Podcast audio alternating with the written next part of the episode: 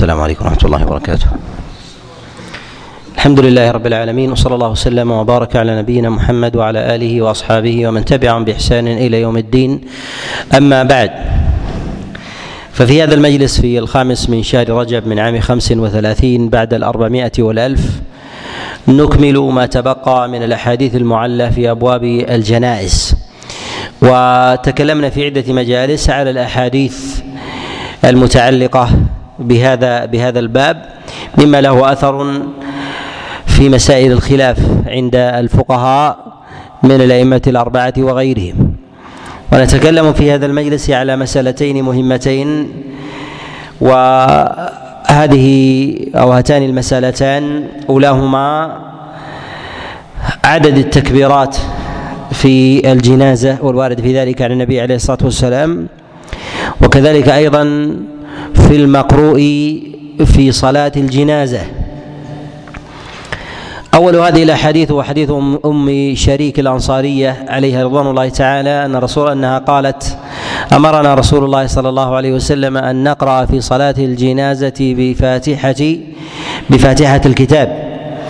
هذا الحديث أخرجه ابن ماجه في كتابه السنن من حديث حماد بن جعفر العبدي عن شار بن حوشب عن أم شريك الأنصاري عن رسول الله صلى الله عليه وسلم.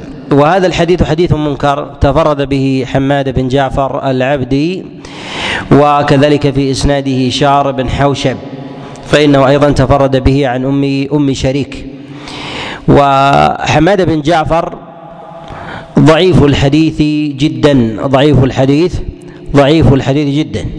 وتفرد ابن ماجه بإخراجه من بين أصحاب الكتب الستة وهذا أيضا قرينة على على إعلاله. وشار بن حوشب تقدم معنا مرارا الكلام عليه كلام العلماء عليهم رحمة الله تعالى عليه. وهذا الحديث يتضمن يتضمن الأمر بقراءة الفاتحة في صلاة الجنازة. وقراءة الفاتحة في صلاة الجنازة أمر متفق عليه. أمر متفق متفق عليه. وإنما أوردنا هذا الحديث لأن فيه الأمر لأن فيه الأمر بقراءة الفاتحة. والأمر بقراءة الفاتحة في الصلاة في صلاة الجنازة لا يثبت عن رسول الله صلى الله عليه وسلم. وإنما جاء في ذلك وإنما جاء ذلك عملا. وإنما جاء ذلك ذلك عملا. عملا عن أصحاب رسول الله صلى الله عليه وسلم وجاء في بعض الوجوه مرفوعا وجاء في بعض الوجوه مرفوعا ويأتي الكلام عليه بإذن الله تعالى.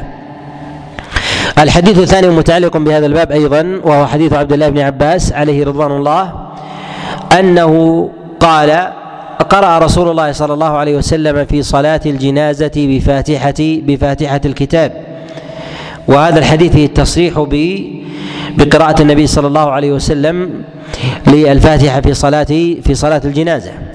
هذا الحديث أخرجه الإمام أحمد في كتابه المسند والترمذي في كتابه السنن من حديث إبراهيم بن عثمان أبي شيبة الواسطي عن الحكم عن مقسم عن عبد الله بن عباس عن رسول الله صلى الله عليه وسلم. وهذا الحديث أيضا حديث منكر. وهذا الحديث أيضا حديث حديث منكر.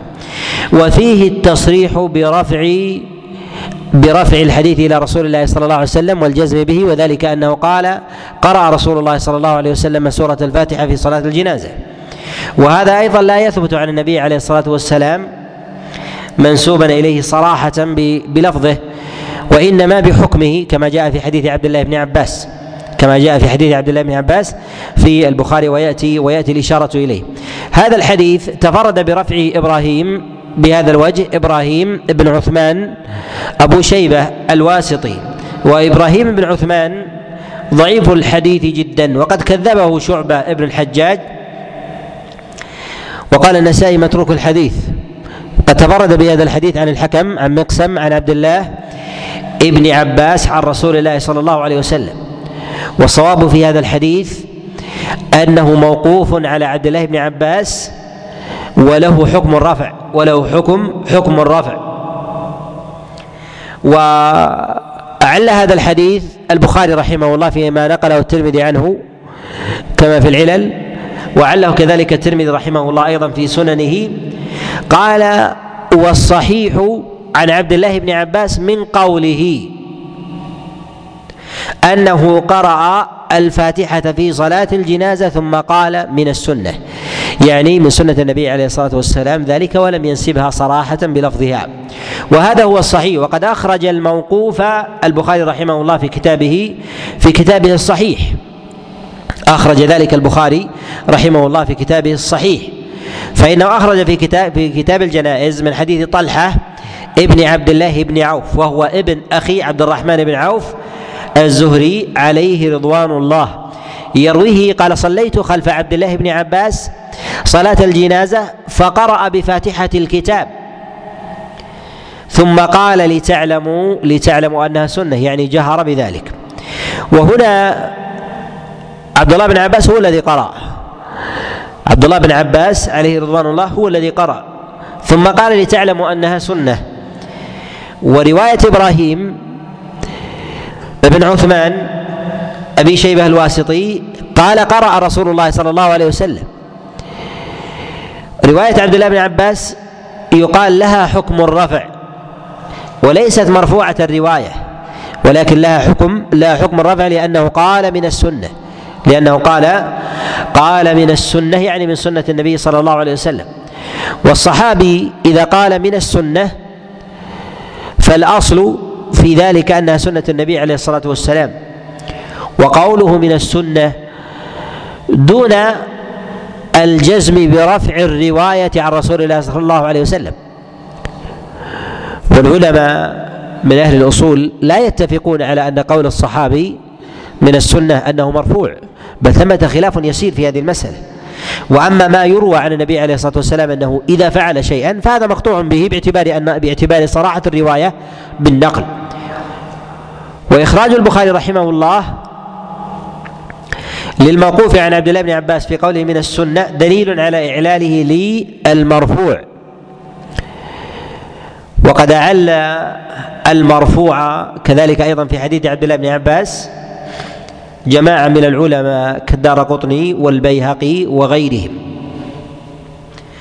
وحديث عبد الله بن عباس عليه رضوان الله مخرج في الصحيح من حديث شعبة بن الحجاج وسفيان الثوري عن سعد ابن إبراهيم عن طلحة بن عبد الله بن عوف عن عبد الله بن عباس أنه قال من السنة أنه قال قال من السنة. وهذا وهذا هو الصحيح. وقد قال الترمذي رحمه الله لما أخرج رواية إبراهيم بن عثمان قال هذا ليس إسناده بذاك القوي. يعني رواية إبراهيم بن عثمان. وعلى هذا نعلم أنه لا يثبت عن رسول الله صلى الله عليه وسلم صراحة أنه قرأ الفاتحة في صلاة الجنازة من قوله وإنما ذلك إجماع وله حكم الرفع وأصح ما جاء في ذلك هو حديث عبد الله بن عباس في قوله من السنة. في قوله في قوله من السنة. وجاء في قوله من السنة أيضا في حديث أبي أمامة عند الشافعي وكذلك البيهقي أنه قال من السنة أن يقرأ بأم الكتاب في صلاة الجنازة. وهذا الأمر محل اتفاق. وهذا الأمر محل محل اتفاق. وإنما أوردنا هذا الحديث مع كونه من مسائل الاتفاق. وذلك لسبب أن قراءة الفاتحة محل خلاف عند العلماء في وجوبها. هل هي ركن كصلاة كصلاة الفريضة؟ والنافلة في قراءة الفاتحة في قول النبي عليه الصلاة والسلام كل صلاة لا يقرأ فيها بفاتحة الكتاب فهي فهي خداج. هل هي ركن أم لا؟ الفقهاء يعتضدون على مثل هذه الأحاديث. يعتضدون على مثل هذه الحديث فلها أثر في القول بوجوبها. لا أثر على القول بوجوبها لا القول بشرعيتها فإنهم يتفقون على القول بشرعية بشرعية قراءة الفاتحة فلما كان لها أثر في الوجوب أوردناها كما هو صراحة في حديث أم شريك لما قالت أمرنا رسول الله صلى الله عليه وسلم بقراءة سورة الفاتحة في صلاة الجنازة والأمر في ذلك يقتضي الوجوب ولكنه حديث منكر على ما تقدم على ما تقدم الكلام عليه. الحديث الثالث هو حديث عبد الله بن عباس الموقوف ولكن فيه رواية الفاتحة وسورة. روى طلحة بن عبد الله بن عوف قال صليت خلف عبد الله بن عباس عليه رضوان الله صلاة الجنازة فقرأ بفاتحة الكتاب وسورة. فقرأ بفاتحة الكتاب وسورة. هذا الحديث أخرجه النسائي في كتابه السنن من حديث الهيثم بن أيوب السلمي. الهيثم بن أيوب السلمي. عن إبراهيم بن سعد عن أبيه عن طلحة بن عبد الله بن عوف عن عبد الله بن عباس. وذكر السورة فيه. ذكر السورة منكر وشاذ وظاهر الإسناد السلامة. وظاهر الإسناد السلامة. الهيثم بن أيوب وثقه النسائي. وإبراهيم بن سعد ثقة من رجال من رجال الشيخين. وأبوه كذلك يروي عن أبيه. وطلحة بن عبد الله وقد أخرج البخاري رحمه الله له هذا الحديث أيضا في كتابه الصحيح. ولكنه قد تفرد الهيثم بن أيوب في هذا الحديث بذكر السورة وخالف الثقات. خالف الثقات الذين يروون هذا الحديث. الثقات الذين يروون هذا الحديث كالشافعي رحمه الله. فإنه روى هذا الحديث في كتابه الأم. روى هذا الحديث في كتابه في كتابه الأم متابعا للهيثم بن أيوب. تابعا للهيثم ابن أيوب وما ذكر هذه الزيادة. والشافعي رحمه الله أوثق. والشافعي رحمه الله أوثق. الشافعي يرويه قال أخبرنا إبراهيم بن سعد قال أحدثني أبي عن طلحة بن عبد الله ابن عوف قال صليت خلف عبد الله بن عباس وذكر السورة وما ذكر الفاتحة وما ذكر السورة. والشافعي رحمه الله إمام حافظ جليل. ولا يقابله أمثال الهيثم بن أيوب. ثم أيضا من وجوه العلل لهذا الحديث أن أن البخاري رحمه الله أخرج هذا الحديث في كتابه الصحيح من حديث سفيان الثوري وشعبة بن الحجاج وشعبة بن الحجاج. كلاهما يروون هذا الحديث عن سعد عن طلحة بن عبد الله بن عوف عن عبد الله بن عباس. قال صليت قال طلحة صليت خلف عبد الله بن عباس فقرأ بفاتحة الكتاب وما ذكر السورة. وشعبة وسفيان هما بمنزلة بمنزلة الثقة والجلالة والحفظ في الضبط في الرواية. ما لا يقابله مثل الهيثم ابن أيوب. الهيثم ابن أيوب. ويدل على أن الغلط من الهيثم بن أيوب. أن شعبة وسفيان روياه متابعين لإبراهيم بن سعد عن أبيه. وما ذكروها. ولو كانت عند أبيه لرووها. ولو كانت عند أبيه لرووها ما يدل على أنها ليست عند أبيه ولا عند ابنه. ليست عند أبيه لمخالفة سفيان شعبة وليست عند ابنه لمخالفة الشافعي في كتابه في كتاب الأم. والبخاري رحمه الله أخرج الحديث في كتابه الصحيح أخرج الحديث في كتابه الصحيح وما ذكر هذه الزيادة وهذا قرينة على إعلالها. قرينة على إعلالها. وظاهر سياق النسائي رحمه الله في كتابه السنن أنه يعل هذه الزيادة وبعض المتأخرين يصححها ويقول بها. ومن قرائن الإعلال في هذا الحديث أنه لا يعرف العمل عن الصحابة عليهم رضوان الله بقراءة سورة مع الفاتحة في صلاة الجنازة. وهذا قرينة على على ردها. والعلماء رحمهم الله في أبواب العلل إذا أطبق الصحابة على عمل أو ترك. وكان العمل والترك يخالف حديثا مرفوعا جعل العمل ناسخا للحديث. يعني إذا عارض الحديث أخذ بالعمل لأن عمل الصحابة في ذاته ليس بأقوى من الحديث لأن الحديث وحي. ولكن مقتضى الحديث العمل به فلما تعطل العمل في ذلك دل على أن معنى الحديث ليس بمراد أو طرأ عليه نسخ وخفي في ذلك الناسخ وجرى عليه على ترك عليه عليه العمل عليه العمل. وكيف والصحابة عليهم رضوان الله تعالى لم يعملوا بهذا؟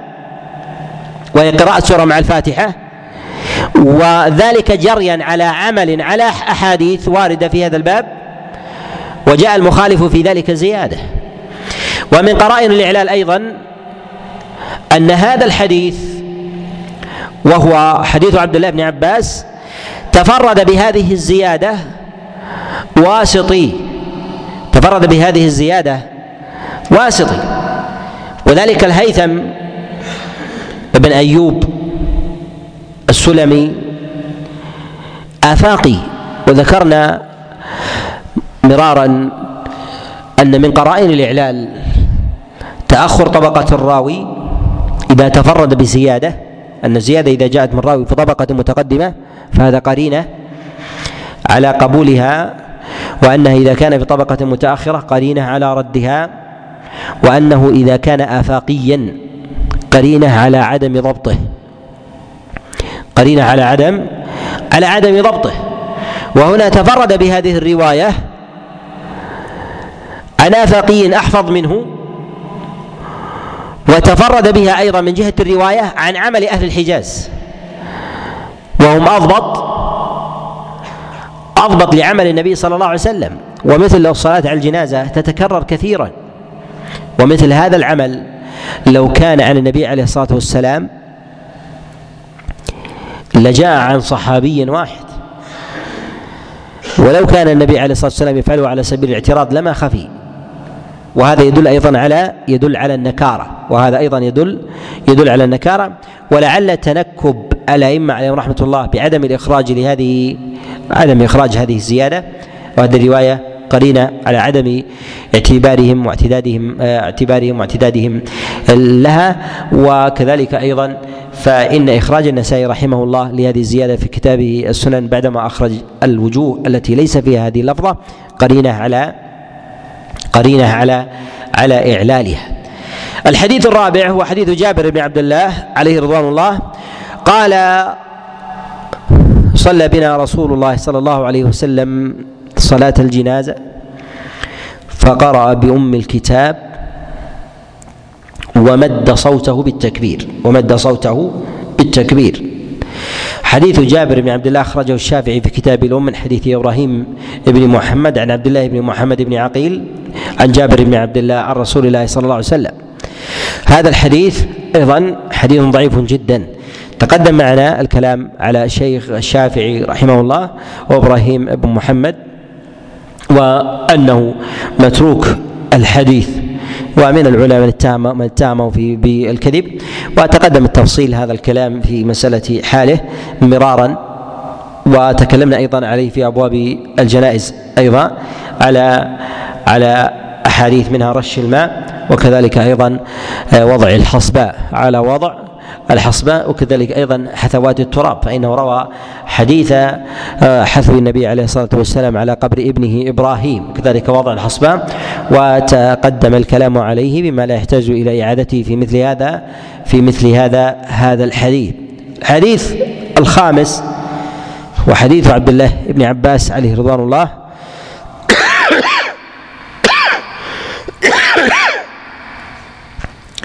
وحديث عبد الله بن عباس عليه رضوان الله أنه قال آخر ما كبر رسول الله صلى الله عليه وسلم على الجنازة اربعا فكبر عمر على أبي بكر اربعا وكبر عبد الله بن عمر على عمر اربعا وكبر وكبر الحسن بن علي على علي اربعا وكبر الحسين على الحسن اربعا وكبر الملائكة على آدم اربعا. هذا الحديث أخرجه الدار قطني وأخرجه الحاكم في كتابه المستدرك من حديث الفرات بن السائب.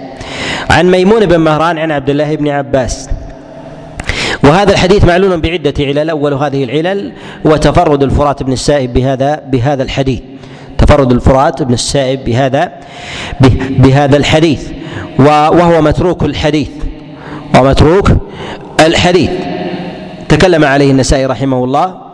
فقال متروك وكذلك أيضا الحاكم رحمه الله لما أخرج هذا الحديث في كتاب المستدرك تكلم عليه أيضا وكذلك أيضا فإنه قد اضطرب في هذا الحديث فتارة يرويه عن ميمون بن مهران عن عبد الله بن عباس وتارة يرويه عن ميمون بن مهران عن عبد الله بن عمر تارة يجعله من مسند بن عباس وتارة يجعله من مسند عبد الله عبد الله بن عمر وهذا أيضا علة هذه أيضا علة كافية في طرح هذا الحديث. وكذلك أيضا عدم إخراج أصحاب مسانيد والصحاح المعتبرة من أهل الأصول المتقدمة لمثل هذا الحديث أيضا من القرائن على رده وإعلاله. وكذلك أيضا فإن في ألفاظ هذا الحديث في ألفاظ هذا الحديث ما لا يقال من قبيل الرأي ويحتاج في ذلك إلى إلى القطع برفعه إلى القطع برفعه ولو كان مرفوعا إلى النبي عليه الصلاة والسلام لجاء من وجوه أخر لجاء من وجوه أخر. ومنها تكبير الملائكة على آدم أربعا يعني أن ذلك سنة قديمة أن ذلك سنة قديمة وأن صلاة الجنازة على صفته هذه هي معروفة حتى في الشرائع. حتى في الشرائع السابقة ومثل هذا أيضا يفتقر إلى يفتقر إلى إلى دليل. جاء هذا الحديث وهذا والحديث الخامس السادس من حديث أنس بن مالك عليه رضوان الله تعالى أنه قال كبر رسول الله صلى الله عليه وسلم سبعا خمسا وسبعا وآخر ما كبر رسول الله صلى الله عليه وسلم اربعا. هذا الحديث أخرجه الدار قطني في كتابه السنن من حديث مبارك بن فضالة عن الحسن البصري عن أنس بن مالك عن أنس ابن مالك. وهذا الحديث فيه مبارك بن فضالة وهو ضعيف وهو ضعيف الحديث وتفرد بهذا الحديث من هذا الوجه واختلف أيضا في هذا الحديث من جهة وصله ورفعه جهة وصله وصله آه، وصله وإرساله. تارة يروى من حديث الحسن مرسلا وتارة يروى موصولا يروى موصولا. وقد أعل هذا الحديث دار قطني رحمه الله في كتابه في كتابه السنن.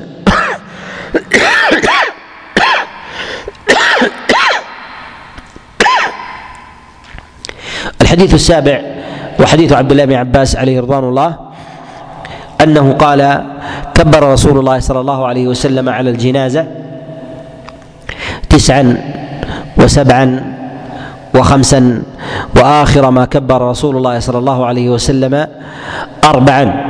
هذا الحديث أخرجه الطبراني في كتابه المعجم من حديث بشر الكندي عن أبي يوسف القاضي عن نافع بن عمر عن عطاء بن أبي رباح عن عبد الله بن عباس عن رسول الله صلى الله عليه وسلم.